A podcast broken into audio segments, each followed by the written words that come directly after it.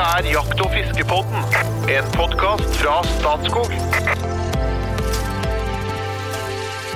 Hjertelig velkommen til Jakt- og fiskepodden. I dag eh, skal vi ha en episode om moderne meitefiske i ferskvann.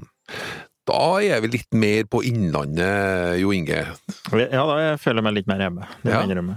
Så fagsjef i Statskog eh, er god på innlandsfiske. Så vi har store forventninger i denne episoden. Jeg har i hvert fall drevet mye med det. Jeg har gjort. Svært interessert fisker, eh, informasjonssjef i Jeger og Fisk, Espen Farstad. Du gleder deg litt nå? Jeg gjør det, og jeg er jo vokst opp i, i Asker, som er eh, arts, en artsrik kommune med mye spennende ferskvannsfiske. Det er den kommunen i Norge som eh, innehar flest norgesrekorder på ferskvannsfisk, tror jeg. Ole Håkon, er det riktig? Det vet jeg ingenting om. Jo, men jeg, altså jeg kan nevne da i fleng. Vi hadde, vi hadde, vi hadde norgesrekorden på suter.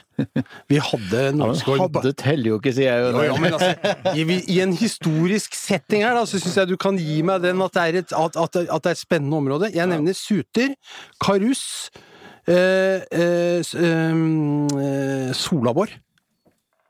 Som jo er en utsatt art, ikke sant? Eh, skal være fem, Syns det gikk sakte? Ja, de gjorde det. Gikk sakte. ja, det er i hvert fall mye spennende fiske som jeg vokste opp med. Jeg, syns dette er gøy. Nå hadde jo jeg et veldig løp og prestasjon her nå, og der skal du inn med en gang. Jeg blir så ivrig, vet du. Ja, ja, ja.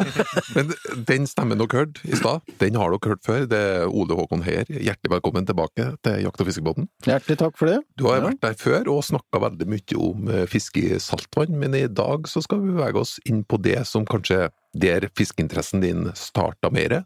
Ja, det er jo det er der jeg kommer fra. Det er, eh, jeg var eh, bare, nesten bare ferskvannsfisker fram til 2006. Så eh, siden jeg er født i 74, så kan du regne ut at det har mest, vært mest i ferskvann. Mm. Og jeg er stort sett vant til at bakken står rolig. Ja. Ja. Men eh, Men jeg kommer jo fra Rakkestad. for, for, for ordens skyld, eh, Mm. til daglig så arbeider du Fylkessekretær i Norges Jeger- og Fiskerforbund, det er eh, jobben min i Østfold. ja. Ja. Har, du mange, har dere mange interne diskusjoner av dere Jeger og Fisk? mange interne spennende samtaler. Vi hadde en totimersprat her, vi kjørte hjem fra jakt- og fiskesenteret opp på Flå, vi skulle Ole Håkon satt på meg, da, da blir det jo fiskeprat i bilen da, det er klart det. Ja. Hvor mye tid bruker du på fiske? Ja, snakker du sportsfisk, eller snakker du fisk og fiskeforvaltning og sportsfiske, ikke sant? Det blir litt sånn, hvor, hvor går grensen? Ja, Nei, altså, jeg har I den grad du kan eh, skille mellom jobb og fritid, så, så ja, tenker det, jeg på det er veldig lett å skille mellom jobb og fritid, faktisk. Eh, for det mm, Jobben er veldig definert. Hvis jeg gjør noe Det er en kontor og en kontortid og telefoner og alt dette ene her som, som andre steder. Så det er overlykkelig når jeg kommer meg ut et par dager i året. Men uh, på fritida så prøver jeg å være ute mye mer, selv om det blir en del kontorjobbing da òg. For jeg sitter i, i og har gjort det i elleve år i grunneierlaget hjemme i, i Degernes uh, sør i Østfold. Og forvalter da 80-90 fiskevann i fjellområdet der på, på fritida. Og det blir kontorarbeid det òg, vet du. Og da føler jeg litt noen ganger at det kan bli litt vel mye. Men hvordan Da starta det det, hele? fiske. Hvordan starta det hele? Hvor, eh, hvor kom uh... Nei, jeg starta med uh, i seksårsalderen. Det eneste bildet jeg har funnet hos, uh, av meg selv med fisk. Da sto jeg på tunet hos mormor og bestefar i Østbygda i Østre Rakkestad. Med å posere med en gjedde på en sånn Ja, det er mulig å si, for jeg er så liten, så jeg er jo ikke så godt Den ser veldig stor ut, jeg tror han veier en kilo noe sånt. Og så er det en mort. Eh, og det er liksom det eldste jeg har funnet da. Jeg er jo åpenbart i gang og fisker allerede når jeg er seks år. Eh, og siden det så, så blei det jo eh, bare ytterligere bekreftelser. Og så, og så var jeg så heldig at jeg hadde fire H-oppgave i 1988. Da var jeg altså 14 år, og den eh, det var veldig naturlig å ta sportsfiske som 4H-oppgave. Men der var det lagd et hefte, det tror jeg var Norges Jeger- og Fiskerforbund, faktisk. ja. Eh, og der sto det veldig utførlig at man fører fiskelogg.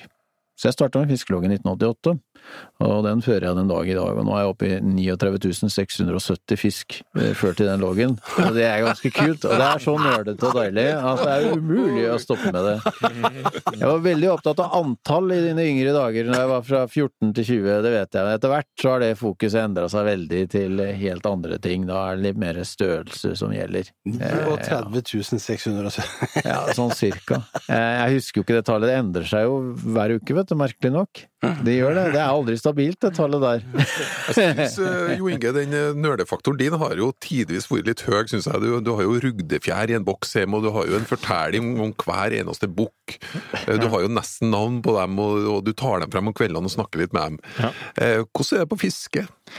Eh, ja, jeg er samme, jeg er samme tilnærming. Jeg starter med fiske.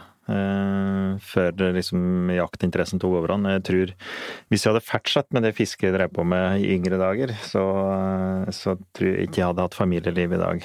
Eh, men eh, da har jeg måttet prioritere, da. Så derfor har jeg prioritert eh, hardere på jakta. Men vi lærte typisk eh, Jeg lærte av mine besteforeldre, særlig min farfar. Det var matøk. Vi fisker for å få mat. Og pilking var en stor greie når jeg vokste opp. Det var jo felkesport på Finnskogen, eh, pilkekonkurranser. Og så lærte vi av de eldre gutta. Det var, det- vi, lærte, vi lærte teknikere det av eldre gutter i nabolaget. Og så fisker vi, og vi fisker da i både i vannet og mye i elva. Altså type Fliselva og Glomma fisker vi fryktelig mye. Og det var i prinsippet så var det hver dag i, i bærmarkssesongen. Og så jakte vi om høsten, og så var det pilking om vinteren. Men eh, på sommeren så er vi ute stort sett hver eneste dag. Ja, så du har fiska mye i oppveksten? Ja, jeg har faktisk det. Og det men det var som Ole Håkon var inne på i til, den tidligere episoden, at eh, fiske der du er. Og det var det som var lettvint. Det var jo før vi ble kjørt alle steder, så vi måtte jo gå eller sykle. Og da var, det klart, da var det jo nærområdet, det som var nærmest. Og det- Fliselva og Glomma var i sykkelavstand. Og da fisker vi der. Og det, det var liksom Det var ikke nødvendigvis at du får den største fisken, men det var liksom at du fikk fisk og ble bedre på det. da. Lærte teknikker til hverandre og jeg Kjenner meg veldig igjen. Jeg tror det var helt likt. Eh, Da jeg gikk på barneskolen på 80-tallet, så var det ingen av gutta som ikke var ute og fiska. Og de sykla. De sykla hit og pine med sykkel. Jeg surra jo fast stengene på spreng, med sprengtråd på Ja. liksom Det er helt på riktig. Ja, sånn luntete Ja. sprengtråd. Den gamle triangelen Mm. fant i sprengmasser. Surra fra stang og håv, og, og, og så slepte du med deg gjedde. Hvis- Det var jo veldig kult hvis gjedda da slepte i bakken når du holdt den fra styret. Og da var det jo veldig kult å sykle hjem òg, for da møtte jo folk deg med bilen og så den gjedda og bare wow, wow, se på han, han har fått slått gjedde. Så, men det var helt normalt. Og så hadde vi var sånn i, i ei fiskeveske vi kalte snike, husker jeg. Det var, slik der, det var liksom før du hadde bokser og før du ble kjørt, da, så hadde du væske der, som vi hadde der i agn eller eh, kroker eller eventuelt sluker og det. ikke sant? Det er som du sier, Espen, du ser ikke de så mange langs veiene lenger. Jeg ser ingen ute hos meg.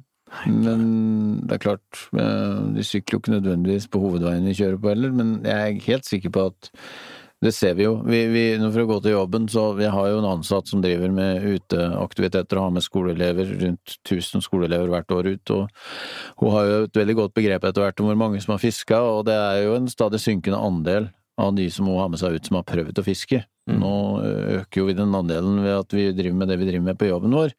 Eh, men eh, det er ikke det ansvaret den, eller den interessen, evnen på eldre generasjon, hvor det nesten var en plikt, vil jeg si, på 80-tallet av, av foreldre og besteforeldre å ta med seg barnebarn og barn ut på fisketur. Det burde de ha prøvd, det er opplagt, liksom.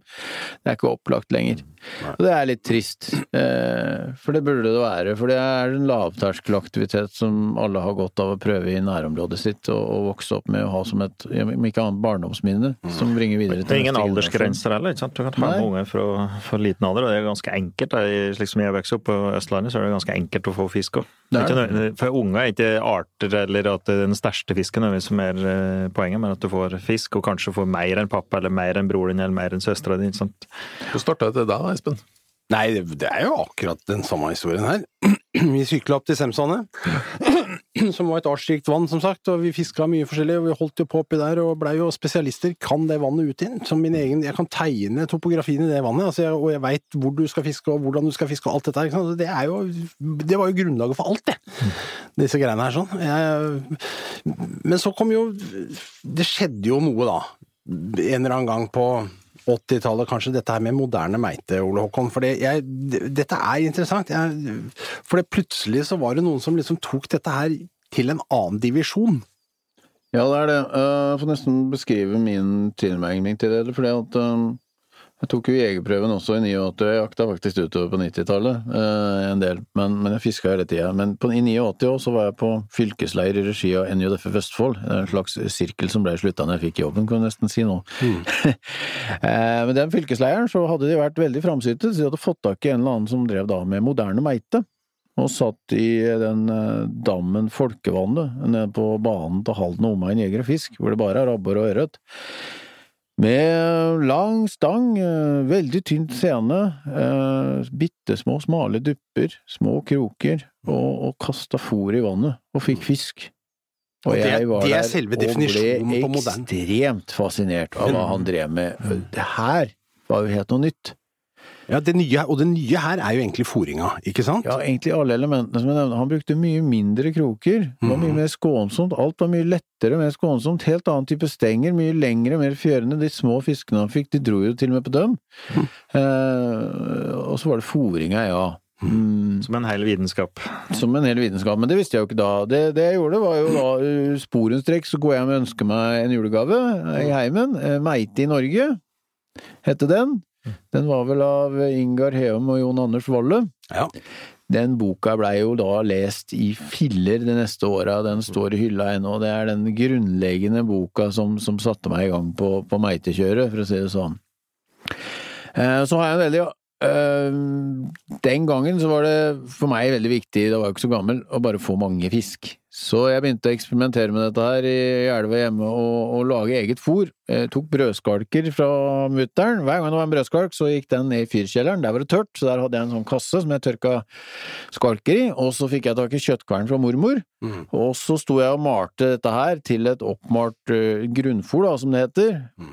Og så eh, brukte jeg det som fôr. Og så var det en fyr eh, som heter Trevor Roberts, som eh, da selvfølgelig var innflytta fra England og hadde en campingvogn, eller en sånn liten brakke, oppe i Mysen sentrum. Han, og han solgte moderne meiteutstyr fra den brakka hver torsdag i tre timer. Tynne, rare dupper. Eh, ja, masse sånt, og der fikk jeg tak i både stang og, og dupper og alt dette her i tillegg. Eh, altså det var en sånn liten, det var umulig å se dette her i en eneste norsk butikk, der var det rød og hvit isoforduper som hjalp, og det, og det var det, og det var det jeg brukte sjøl òg, fram til rundt 90 da, ikke sant.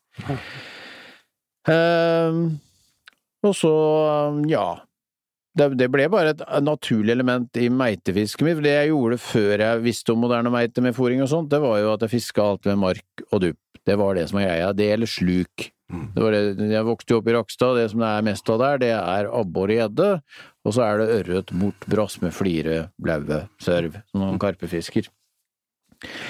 Eh, Men det å fòre gjorde at jeg kunne lokke inn enorme mengder karpefisk, så jeg dro utrolig mye mort utover på begynnelsen av 90-tallet, og det var liksom litt sånn stas hvor mange kan du få på en tur og sånn, jeg husker jeg kom opp i 450 og sånt etter hvert, ikke sant. På hvilken måte gjorde det sånn rent praktisk? Nei, det, det var jo bare å sette seg bort til elva, det, med gjerne to stenger med dupp på, og så få tak i maggot som tidlig på året, det er da fisken ofte er lettest å lure de karpefiskene, og så fôra jeg opp, og så koka det på med fisk, og så var det bare å dra til jeg var lei. Så enkelt. Du måtte jo velge riktig tidspunkt, da. Det, det, det jeg vet, da, etter å ha fiska så mange mort i Rakstadelva, er at det er forferdelig langt mellom en stor mort, og i dag er det jo bare de store mortene som er det interessante byttet for meg, så det er jo en helt annen vinkling på det.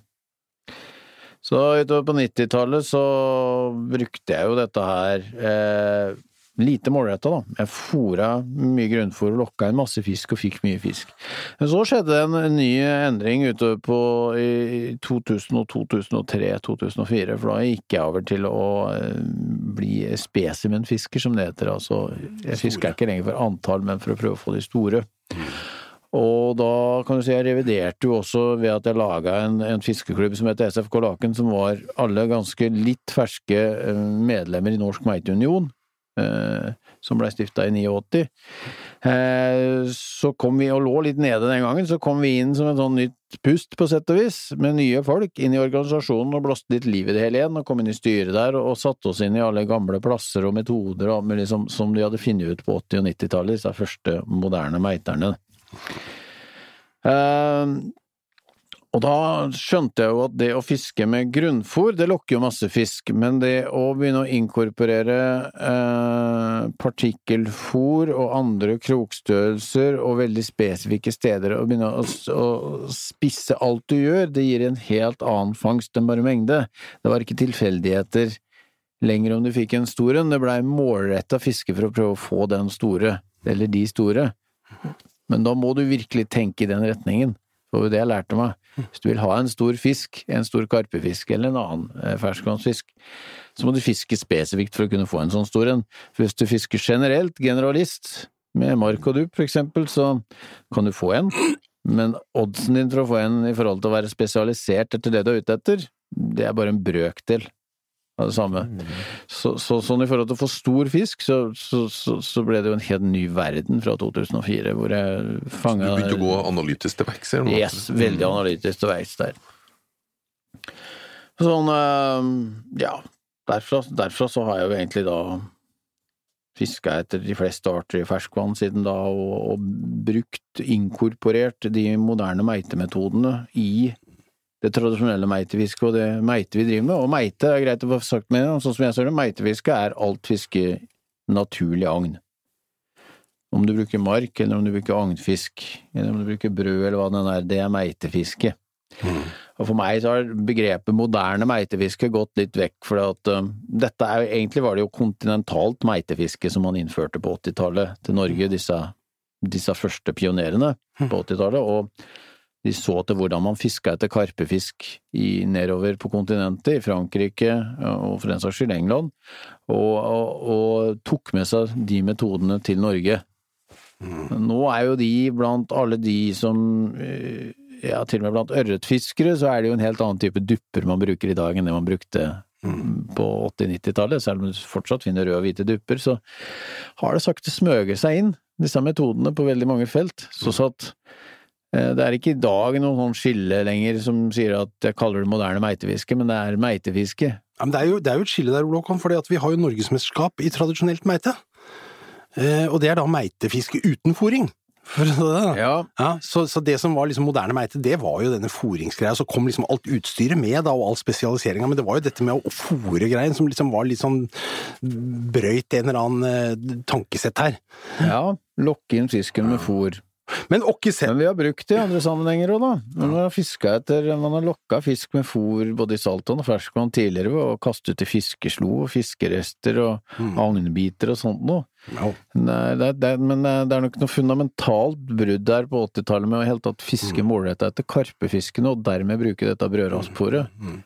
Men du nevnte her tidligere, var det kanskje i en annen episode, men i hvert fall du sa at du hadde fiska 38 ulike ferskvannsarter i Norge. Ja, 36 eller 37, jeg husker ikke eller 37? Ja, men det er da 42-43 eller noe sånt? Til 36.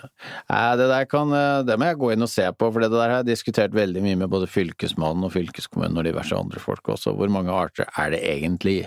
Hva er det du ikke har, det er jo en del her som går opp Hvem er det du ikke har, Ole Håkon? Hvem er det du ikke har fått? Det er som irriterer meg, er at det er så utrolig vanskelig å få lagesild, som det er så utrolig mye av i Alvdalsdraget. Okay. Ja, Den har du ikke fått? Si?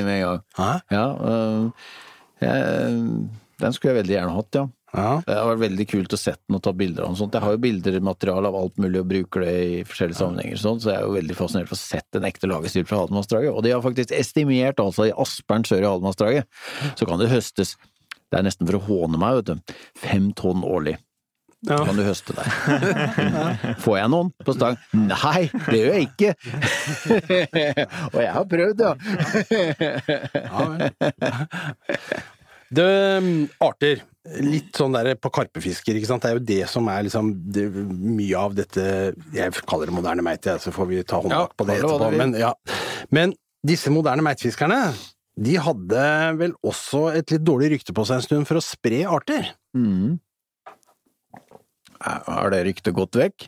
Det er vel ikke det. Nei, altså, kan godt, godt tenkes det er der, men altså, nå, nå, i dag så føler vi at altså, det spres mye arter rundt omkring. Ja. Sørven brer seg på Sørlandet og bort vestover, ikke sant. så Mm. Men jeg, jeg er ikke så sikker på om det er moderne meitefiskegutta som sprer sørv rundt omkring. Der har, vel Det det mer, ikke, nei, men der har vi mer mistenke mot at det er folk som er bruker mye-. Det er mye manglende kunnskap rundt omkring blant de som fyrer seg mest opp over denne spredningen av arter. sånn at når de retter skytset mot meitefiskerne, da, i en del tilfeller, så er det pga. manglende kunnskap. Ja. Eh, Men du hørte at jeg var nyansert si- på det, ja, Ole du Håkon. det, men, men, men, at suteren har spredd seg til eh, nedover på Sørlandet, for eksempel, Mm. det, er jo, det er jo et aktivt utsett av noen. eh, definitivt. Mm. Ja. Og dette er ikke bra. Det er jo utsett av sørven også, den flyr jo ikke nedover langs Vestlandet og oppover langs kysten. Nei, men der- motivet er annerledes, kanskje. Motivet er annerledes, og de som utfører det kan nok være en helt andre folk. Ja. Men jeg tenker blant at norske meitefiskere som- Norske meitefiskere, så er det vel egentlig eh, primært to arter som er attraktive å spre, og det er eh, karpe og eh, suter. Mm. Ja. Når du da har spredning av um, mort og sørv, så er det folk som bruker det til agn, tipper jeg, som, som sprer dette her, og det det er ikke meitefiskerne, for de vet bedre. Altså de du kaller de som er ivrige fiskere. De som er ivrige fiskere, vet bedre. Eh, Men de som fisker litt, eller har fått for seg og ikke har noe veldig aktivt forhold til det de driver med, eller de som kommer fra utlandet, Mm. østeuropeere er nok ikke så nøye med det, Mm. Eh, de, eh, de har nok stått bak mye av de utsettingene og spredningene vi har sett. Det er jo interessant å se at serven eksempel har spredd seg nokså langs E18. Ja. Ja. Gjedde på Vestlandet. Ja. Der, der lurer jeg jo bare på hvem også som flytter gjedde helt dit. Hvor langt må de flytte den? Jeg vet ikke helt, jeg har ikke studert det veldig nøye, men det har jo vært noen ganske lange forflytninger her, åpenbart, da. Mm.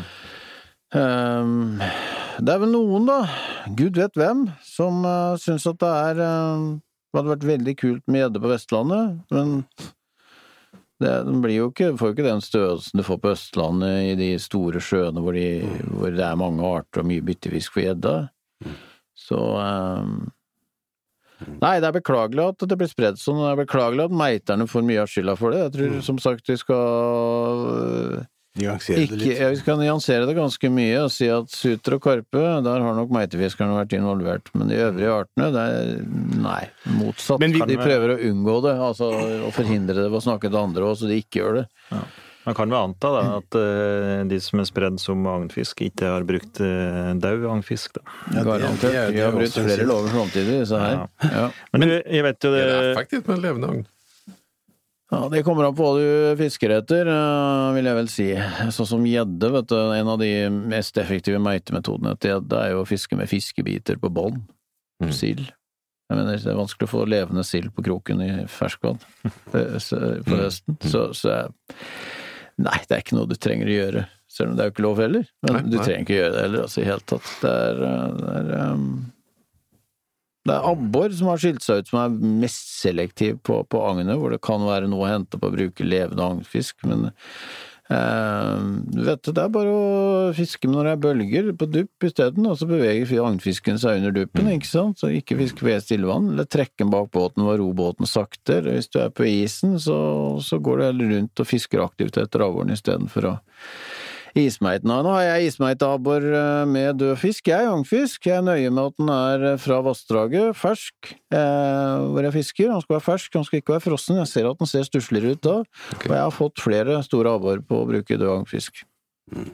Det funker, det. Men jeg er veldig nøye med tynn fortom, helt usynlig fortom, hvor er søkkene plassert i forhold til fisken, og at fisken ser fersk og fin ut og er plassert helt riktig i vannet.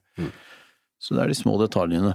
Det er veldig, altså Jeg må bare fortelle en historie. for at jeg På begynnelsen av 90-tallet så skrev jeg en bok sammen med en kamerat som het Fisk hele året. Som handla egentlig om at, eh, litt som du var inne på, fisk der hvor du er. Og, og du trenger ikke liksom bare fiske i juli. Det, det fins jo muligheter hele året. Og vi hadde jo delt inn i tolv kapitler på månedene, eh, og så på en av månedene så fant vi ut at vi skulle skrive moderne meite, for det var liksom akkurat kommet, da. Og du nevnte Heum og Valle eh, som pionerer med denne meiteboka, det er helt riktig, den hadde jeg også, og leste. Og så ringte jeg til, eh, til Heum og så sa jeg kan vi få lov å være med dere en tur ut og fiske? Ja, vi fikk være med, og vi var i Østfold. Vi var hjemme hos deg og fiska. Ja. Og det som, slo, det som vi slo oss av, disse gutta var jo så gode til å fiske.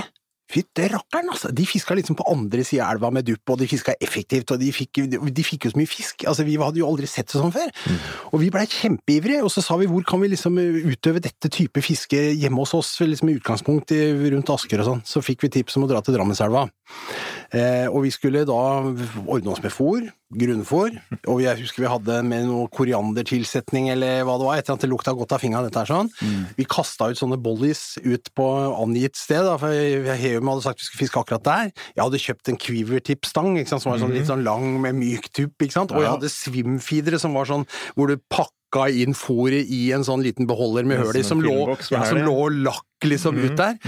Og vi hadde gjort alt dette, vet du, og reist ut dit, pælma ut disse her bollisene, rigga til og kasta vi fikk så sinnssykt mye fisk! Og det var svære vederbuk på en kilo og sånn. I eninga! Jeg har ikke sett maken! Og det var en sånn der breakthrough for meg, at her var det på en måte Her satte man kunnskap i system, på en måte, og, og, og kunnskap om fisken og fiskemetoder og sånn, og det, det var bare en helt, det var en helt annen verden. Etter det så har jeg vært, hatt veldig respekt for den tilnærminga til fiske. Dette her er flinke fiskere. Bruker du noen sånne remedier opp mot fluefiske? Nei. Du, du Nei. fôrer ikke noe? Eller? Nei, nei, nei, nei, jeg gjør ikke det. Det Altså. er usportslig, eller? Nei, ja, men det Nei, nei altså det, det er vel ikke Nei, men det, kan du klare å få til dette her på fluefiskesiden Ole Håkon? Det var en, eh, var en underlig tilnærming, eh, Jo, jo, programleder. sånn det. hvem fisk du fisker etter. Vet du. Hvis du skal fiske etter f.eks. stam, da, så vil det jo lønne seg å kaste ut brødbiter for å få stammen til å bli mer aktiv til å, å spise Ja. mm, mat Og så i fiske med en flue som er en brødimitasjon? Ja, eller en brødbit som du får til å sitte på flua di. Ja. Ja. Men det vil jo være, ja. Det, det, er, en, det er en unødvendig omvei, spør du meg. Ja, det er det. Det, er det. det, er, det, går for meg til fiske, ikke sant, med en gang. Eh, Det er tungvint. Ja, jeg kjenner en Jeg var ute og fiska stam og hadde med meg en fyr som fiska med en flue, som hadde laga en loff-imitasjon. Ja. en Loff-invitasjon tykker du på det? Ja.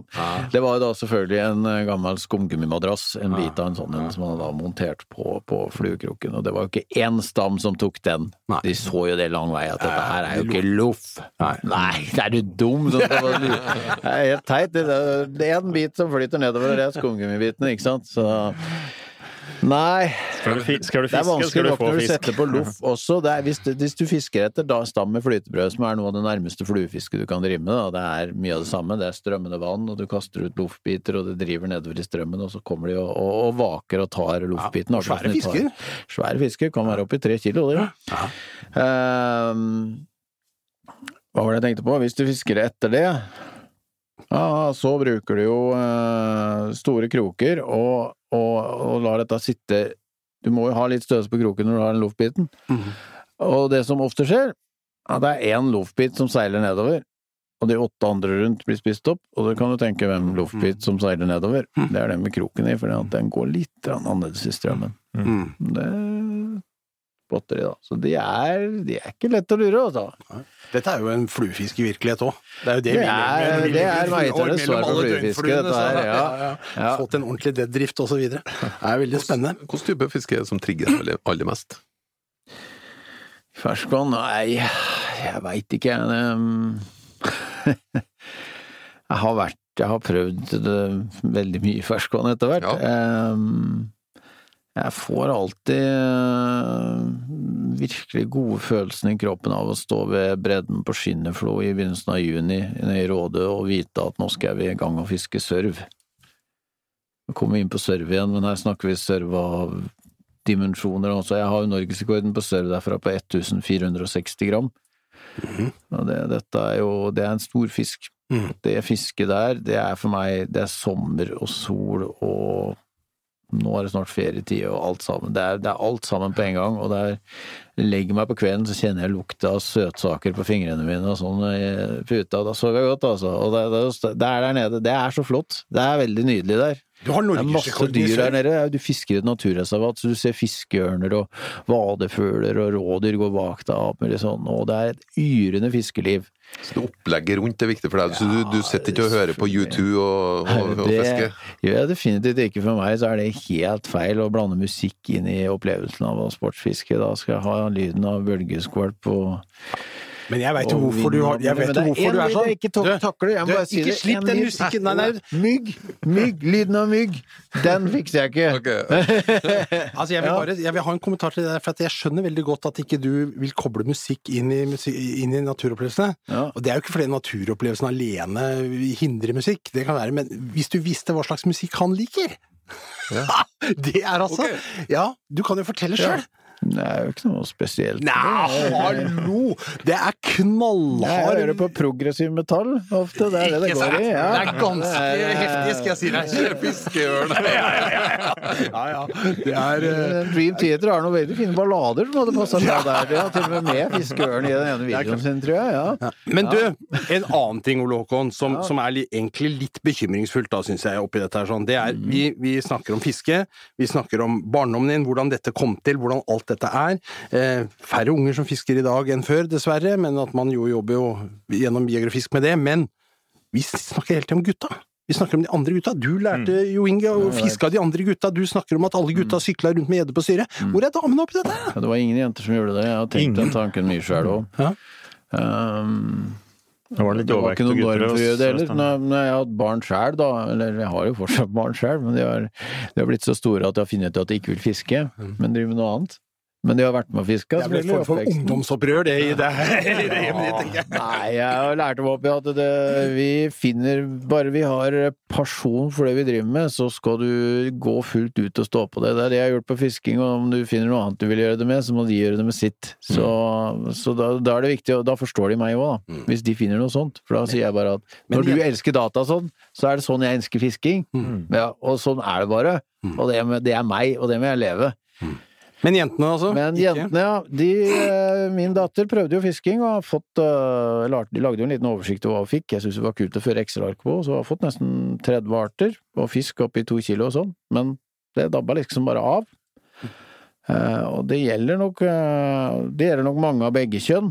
De prøver det, og så dabler det bare av. Men jeg ser jo med glede at det er en del kvinnelige bloggere og, sportsfiskere og artsfiskere som har dukka opp de siste åra, som, som Men fremdeles er det jo veldig mannsdominert. Um, Mer enn jakt, faktisk. jeg tror det er Vi er litt sånn da, menn. Vi skal gjerne konkurrere og telle og måle og alt mulig sånt. Damer Litt er ikke så glad i, eller så opptatt av det, som regel. Sånn, sånn vi ser det opp mot hverandre, det er en liten forskjell. Mm. Det gjør nok at det er nok en del damer som fisker, men de er ikke så opptatt av å vise det fram alltid heller. Ikke sant? Og de er ikke så opptatt av at de skal telle det og måle alt det de får. Nei. Så eh, Statskog, det er noen forskjeller der, men det er fortsatt mye å hente, altså. 60 000 fiskevann. Jeg er litt usikker på hvem som har telt opp det, men eh, la oss si at det er ca. 60 000 fiskevann på Statskogs grunn. Eh, pluss elver og, osv. Hvem er det som fisker der? Nei, det er vel en eh, de tverrsnitt over befolkningen, vil jeg tro, som fisker. Det Er damer?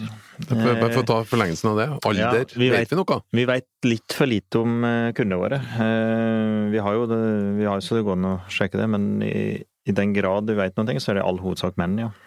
Og, og vi ser jo vi, Hos oss så er det jo gratis å fiske til du er 20. Og det er klart da, så Vi har ikke noe register over ungdommen her, eh, hvem de er og har mange der. Det har vi ikke. Men det er jo først etter det at de kommer, kommer til høst. da. Så, så det er litt vanskelig å si. Men av de som er over 20 og som fisker, så er det i all hovedsak menn. Det er det. Det, det må vi, så ærlig må vi være, da. Og det, som jeg sa, det var det vi, vi vokste opp med, at det var gutta som drev på med det her. Og både Statskog og Jegerfisk har en del sånne arrangement opp mot barn. Barn og fiske. Eh, og så har man introjakter en masse. Men har man, eh, har man tatt fiske såpass på alvor at man har introfiske? Å ja da, vi har Ja. faktisk lagd introfiske, men det to, akkurat det begrepet tok ikke så godt av. Men vi har jo rike tradisjoner i Jeger og Fisk for å drive fiskeopplæring av barn. Altså er det, noen, Ja, ja. er det noe vi er gode på, så er det jo akkurat det. Eh, Du har jo et fylkeskontor å forvalte, Ole Håkon, og har jo der ansatte eh, hos deg som er ute og jobber med friluftsundervisning i skolen, hvor fiske selvfølgelig er sentralt. Og det har de fleste av fylkene våre. Vi har fiskesommerarrangementer hver sommer med flere hundre arrangementer hvor barn kan komme inn og få eh, en smak på, på fiskeaktiviteter. Vi hadde jo et prosjekt gående med Statskog for noen år siden hvor vi delte ut 140 000 fiskestenger og pilkestikker til norske skole, skoler og barnehager. Jo, men, Så- men, eh, men hvis du tar det enda mer på alvor, da. Mm. så har du ikke sant, du har mange forskjellige måter å fiske på. Som, og ikke sant, du har eh, sånn som Odo Håkon som drar det langt, og, og begynner å kunne veldig mye om type fiske. Så at du, altså, og da blir fiskeopplevelsen helt annerledes enn den tradisjonelle, den som jeg bedriver da, med mark og dupp. da, for å si det sånn. Jeg syns fortsatt at det er et kjempefiske. da. Eh, at er, er, mangler noe, tar man, tar man det nok på alvor? Jeg tror at vi selvfølgelig kan gjøre mer på fiskesida, det er jo ikke noe tvil om det. Men, men, men det gjøres også mye. Altså, dere har jo for eksempel denne her ungdomscampen deres på Berby hvert år, eh, Ole Håkon. Ja, vi har, vi har med masse ungdoms, ungdommer på fisketur. Vi har en kjempebra uh, fiskeinstruktør hos oss som er Morten Martiniussen, som er veldig god på allsidig fiske. Han fisker jo akkurat de samme tinga som det jeg snakker om her. Og så fisker rovfiske, ferskvann og karpefisk og alt sammen. Og, og spiller på hele registrene vi har med barn og ungdom ut. Og vi har jo da 500 til 1000 elever med ut på, på fisketur i året, pluss at vi har den barne- og ungdomscampen samme fire år med 120 deltakere, ikke sant. Så, så det blir jo en del som er med oss. Eh, men jeg sitter og tenker at eh, du kan ikke begynne med den fiskinga jeg driver med på den måten jeg driver i dag, for å lokke nye fiskere, fordi at det blir altfor sært og smalt og kjedelig. Du må starte med først å introdusere dem for dette enkle. Liker de å fiske eller ikke? Du ser det med en gang om folk liker å fiske eller ei, egentlig. Jeg har sett det på veldig mange ungdommer også. Du, du har den der som bare blir stående med stanga og ikke vil gå, og så har du de andre som bare løfter den opp litt, og så kjeder de seg i løpet av noen minutter. Ikke sant? Selv om du presenterer dem for andre ting. Så det viktige er vel egentlig at, tenker jeg, at vi alle får prøvd, også, så de vet hva det går ut på, og så er det sånn så må du jo gå videre og ha tilgang på kunnskap og, og få hjelp videre til å, til å, komme videre. Men jeg er jo litt fascinert av at veldig mange nordmenn som fisker, er veldig lite interessert i å bli bedre. De som fisker en del, altså. Det syns jeg. Det er veldig lite, veldig mange nordmenn som fisker som er utrolig lite opptatt av å utvide horisonten sin. Ja, men den saken har to sider, Ole Håkon. For det, du som spesialist Ja. syns at det er for få som eh, videreutvikler seg innenfor din sektor, liksom. Det skjønner jeg. Ja. Men den andre siden av den der, det er at for nordmenn flest så er fiske en sånn selvfølgelig del av vår væremåte. Er du på hytta på Geilo, så fisker du en ørret. Er du på Sørlandet, så fisker du en makrell. Og du legger, Ja, ikke, noe er mer i det. og du legger ikke noe mer i det. Det liksom nei, bare, jeg, det, og det, ikke synes, jeg bruker å fremheve det også som den store fordelen med sportsfiske. Du kan gjøre det akkurat hva du ønsker sjæl. Ja. Ikke sant? Du kan, du kan bare ta det som en feriehygge, og du kan bli helt gæren og nøle deg ned i detaljer, ikke sant. Men jeg tror fortsatt at det er veldig mange der ute som, som fisker ganske mye, men som nekter å se på nye måter å fiske på. Jeg kjenner en god del av de. Nekter å tegner seg at de kunne gjøre ting på en annen måte. Det hadde faktisk vært morsommere Mm. enn det de gjør i dag, og gitt mer uttelling. Men de vil ikke det. For det er liksom sånn skal det være. Men ok, det er greit, de må bare holde på sånn, for det er atter igjen, jeg går tilbake til, folk må velge akkurat åssen de fisker sjøl. Eh, for det er det som er en av fordelene med det. Dette er en skikkelig fritidsaktivitet. Og det har ikke blitt som det er i USA, at det er svære turneringer og proffe folk og alt sånt. Her er det en fritidssyssel, og det er jo helt topp, da. Men du er ordentlig ivrig, og du er en ordentlig sportsfisker. Eh, Men i motsetning til ganske mange sportsfiskere, så spiser du også eh, mye fisk. Altså du, tar, Ja. du bruker den som matfisk. Så en liten kjapp runde starter vi med Espen. Hva er, synes du er den beste matfisken eh, i ferskvann? Abbor. Uten tvil. Jeg er veldig glad i abbor. Jeg vokste opp med det. Altså, det også, når jeg fikk noen fine abbor ikke, Vi fikk jo mye små abbor, ikke sant? så det må jo være litt size på den. Men hvis vi fikk noen fine abbor, så var det hjem og steike dette her og rett og slett ha på brødskiva med eggerøre. Det syns jeg i den dag i dag er helt konge. Tøft. Jo Inge, Ebber. Ok. Mm, ja, uten tvil. Eh, tilberedt på samme måte? ja, eh, enten da sprøstekt, som vi sier, da, eller eh, jeg er jo vokst opp Jeg har jo finsk herstamming fra Finnskogen, og der spiser vi noe som heter motti, en slags mjelgraut. Og da hadde vi ofte til den. da. Om du ikke har flesk, så kunne du bytte ut flesket med ebber. Det kan anbefales. Kjempe. Det, det hørte jeg akkurat. Det er en relativt spesiell rett. Ja, det er det. Men du overlever. Ja. Ja, det er på det nivået. Og nå, og nå er jeg spent da om vi får en trippel på abbor. Jeg tipper at vi ikke får det, men eh, Odd Du får en topp tre Ja, på tredjeplass. Abbor. Ja. På andreplass gjørs. Og på, tre, på førsteplass, soleklart, lake. Ja, ja, ja. Ja, ja. Ferskvannstorsken. Men når vi er inne, på mat, for jeg vet jo det, du eter veldig mye av den fisken du fisker, Håkon. Det, det, og det har jeg stor respekt for. Eh, Jeg syns det er ålreit. Eh, Mort. Ja. Du nevnte på det, stormort. Jeg var med å fiske stormort med bestefaren min. Det, det var matfiske, typisk, og så fisker vi i, i lekeperioden om, om våren, da. Altså med ruser og nett, og vi fisker med alt som var. Fikk en del stormort, og eh, han tilberedte mort, og kokte mort. Ja. Åt. Og jeg har sikkert tatt en historie før, men jeg hadde et søskenbarn som satt og så bare 'Nå får du ete, da. Nå får du ete', da. og jeg har prøvd det. Jeg syns det var litt det var noe med konsistensen, som du sa, og smaken var liksom Det var ikke noen høydere.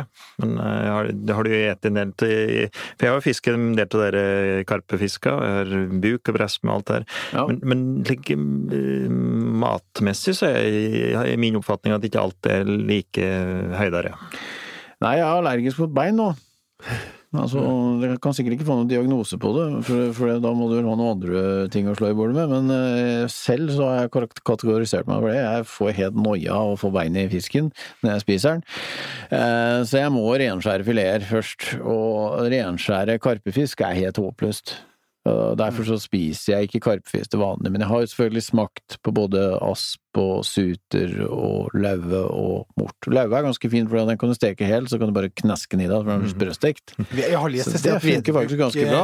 Vedbukk smaker som bomull med knappenåler i, er, har jeg sett. Ja, ja, det kan godt være. Jeg har ikke smakt akkurat spesifikt vedbuk, men øh, ja, det er de der knappenålene som er det store problemet her, da. Mm. Jeg vil si at når jeg har spist mort, det er ikke noe gærent med smaken. Eh, men den er, det er ikke noe særlig Det er ikke så mye smak, egentlig. Det er jo så enkelt. Eh, så det er krydring og hva du tilbereder den med, som teller her. Mm. Eh, den er jo fullt spiselig. Akkurat som all annen fisk. Den Det, det du skal passe deg mest, som det er mest trist at vi må passe på i Norge, er jo innholdet av miljøgifter i større predatorer. Vi kan jo ikke spise stor abbor, du bør jo ikke spise stor abbor, du kan jo bare spise det, men jeg anbefaler ingen å ete abbor over halvkiloen eller gjedde over en 1-2 kilo og, og, og så videre når det gjelder en del andre rovfisk.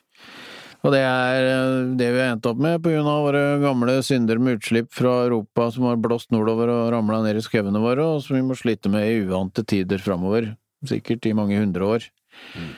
Ehm, trist, men sant. Det blir kvikksølv og Men så vil jeg På den annen side så er jeg jo veldig opptatt av at folk må ikke finne på å slå i hjel store fisker.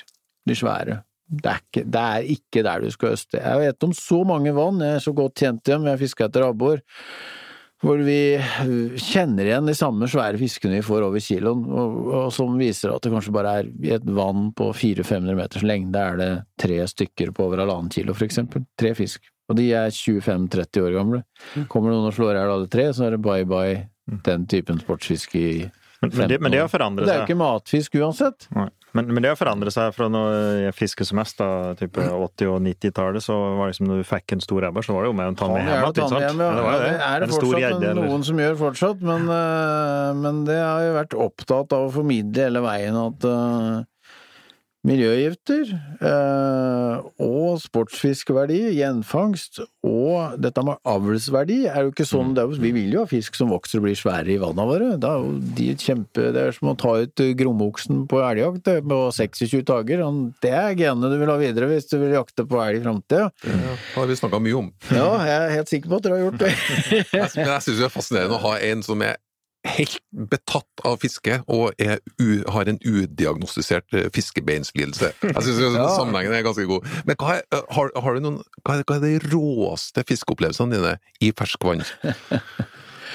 Nei, det er jo ingen over og ingen ved siden, bortsett fra én. Så det er altså to. ja, det er eh, Da jeg hørte at det var svær abbor, antageligvis på over to ned tjern inn i Degernesfjella, og den ene høsten Vi bruker aldri å ha gangbar is før i romjula, så ble det gangbar is i november. Så jeg la i vei på hver ledige tid og gikk målreit inn for å fiske etter storabbor på det ene vannet, og så fikk jeg jaggu på femte turen abbor på 2160 gram og 50 centimeter. En vanvittig fisk, eh, som jeg er helt sikker på at jeg aldri kommer til å matche noen gang igjen. Helt til jeg matcha den i januar, to måneder senere, med en lake på 6,2 eh, kilo. Som jeg fikk under båndmeite på første utkastet på en, på en kjent lakeplass eh, oppe i Vorma. Eh, Så de to fiska der, da, i desember 2010 og januar 2011, det er helt uh, umatcha, og det tror ikke jeg kommer til å matche det igjen, men det, altså, jeg bryr meg ikke i det. Det er jo fantastiske fiskere, har flotte bilder av dem. Men, men, men, men, men, men, men, men, men, men, men, men du, men, men, men, har, men, jo- men, men, men, men, men, ut. Ja, men de to, altså, de er eh, Ok. Ja. Så heller de enn en norgesrekord i serve, altså. Ja, abbor på over to kilo. Åh, det er blått. Altså, heller det enn en laks på 20. Jeg mener jeg ikke lurer på engang. Nei, det er fordi, råeste for de lyttere, altså en abbor på over to kilo, det er, det er jævlig diger ebber. Ja. Det er en skikkelig, skikkelig stor ebber. Jeg har eh, litt over en og en halv er min rekord, men det på er to kilo ja, det er, men to, Jeg har den i fryseren. Oi, oi, oi. to, men to kilo, det er over to kilo, det er en enorm ebber. Kjempestor ebber. Vi vil jo veldig gjerne ha inn eh, tips fra lytterne, både jakttips og fisketips. Og når vi har en sånn person i studio, som deg, Ole Håkon, da vil vi selvfølgelig på rappen ha noen ordentlig gode fisketips. Ja, øh, det første er jo egentlig å bare komme seg ut og fiske, da. Det er det viktigste. Og så, og så skulle jeg si, eh, blås dette med vær og føre og sånt, og hvis du skal ha fisk, så er det én ting som teller, og det er å ha agn i vannet. Det er, det er greia. Ha agn i vannet. Så sett deg litt inn i, tenk over hva er det jeg vil ha, og så gjør du litt research, hvor er det det jeg vil ha er, og så velger du utstyr ut fra hva du vil ha. Og det er en tankerekke som ganske mange ikke gjør når de drar og fisker, men som bedrer oddsen for at du får noe spennende og kult som du har tenkt på veldig mye. For veldig mange bare reiser ut og fisker litt på måfå. Vi tar jo med den Hvis du setter deg litt inn i det i, i forkant, og tilnærmer deg litt, rann, sånn, gjør litt hjemmeleksa i forkant, så, så vil du over tid lykkes mye bedre.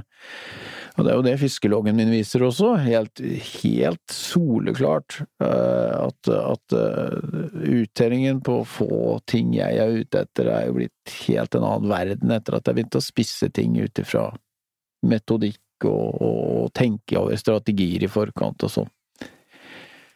Mhm.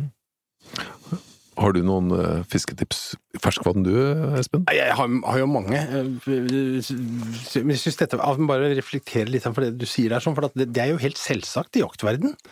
Altså Når jeg skal ut og jakte, så veit jeg jo eksakt hva jeg skal jakte etter, og jeg er jo, og jeg er jo tilpassa den jakta så godt som jeg kan, ikke sant? Mm. Så, så det er artig at liksom, den metodikken er så lite utbredt på fiskesida, og det er klart at Det er, det, er veldig mye flaksbasert. Du vet det, ordet fiskelykke. Ja, Altså, bare det. Det Provoserende. kan du grave ned et hull i bakken. Jeg skal gå med på at det er flaks at jeg får den avlen på 2160, Nei, det er ikke det. men, men det, det er ikke flaks at jeg har fått flere store i det samme vannet, ikke sant? Eller Hvis du har det er så reke, da. Hvor langt, hvor langt kommer det hvis du har reke? Hvis du har reke, Ja. kommer ganske langt. Du kan få lake og stam og flire og vedbuk og masse forskjellig. Ett tips. Ett tips Ja. skal du få, og det, det, er, det er faktisk Og det er uh, fiske lettere enn du ellers ville gjort. Altså Ja. bruk mindre kroker, for eksempel. De fleste av oss er vokst opp med ganske s- Mm. grovt utstyr. Solide ting. Liksom det enkleste, og de gir det til unga, så sørger for at det liksom Standardisert. altså- Standardisert. ja, gå ned i størrelse, så, og du får svære fisker på lett eh, og smått utstyr, så det er i hvert fall ett tips. Ikke noe problem. Jeg brukte også, hvis for den som veit litt om krokstørrelser, når jeg fikk den abboren på 2160, så brukte jeg altså en 14 trebbelkrok. Trebbelkrok i størrelse 14, den er ca. 15 millimeter lang. Og Inge? Det veldig liten Nei, jeg har ikke noe konkret tips om det, for jeg hører på Ole Håkon, jeg vet jo at han er veldig god på det. Og det er jo liksom å gå metodisk til verks. Og vi, vi drev jo, vi var jo på det meitekjøret vi òg, og det var jo tid vi ikke hadde internett, ikke sånn YouTube, eller du kunne ikke liksom følge med, det, det spredde seg med rykter, og du leste deg opp ikke sant, i blader og slikt. Mm. Så jeg har prøvd det, og både Buk og Brasme og Karpe og som var på det kjøret der, og prøvd det.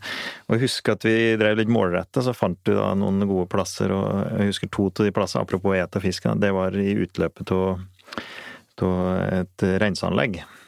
Kloakkrenseanlegg. Ja. Fòring. Ja, fòring.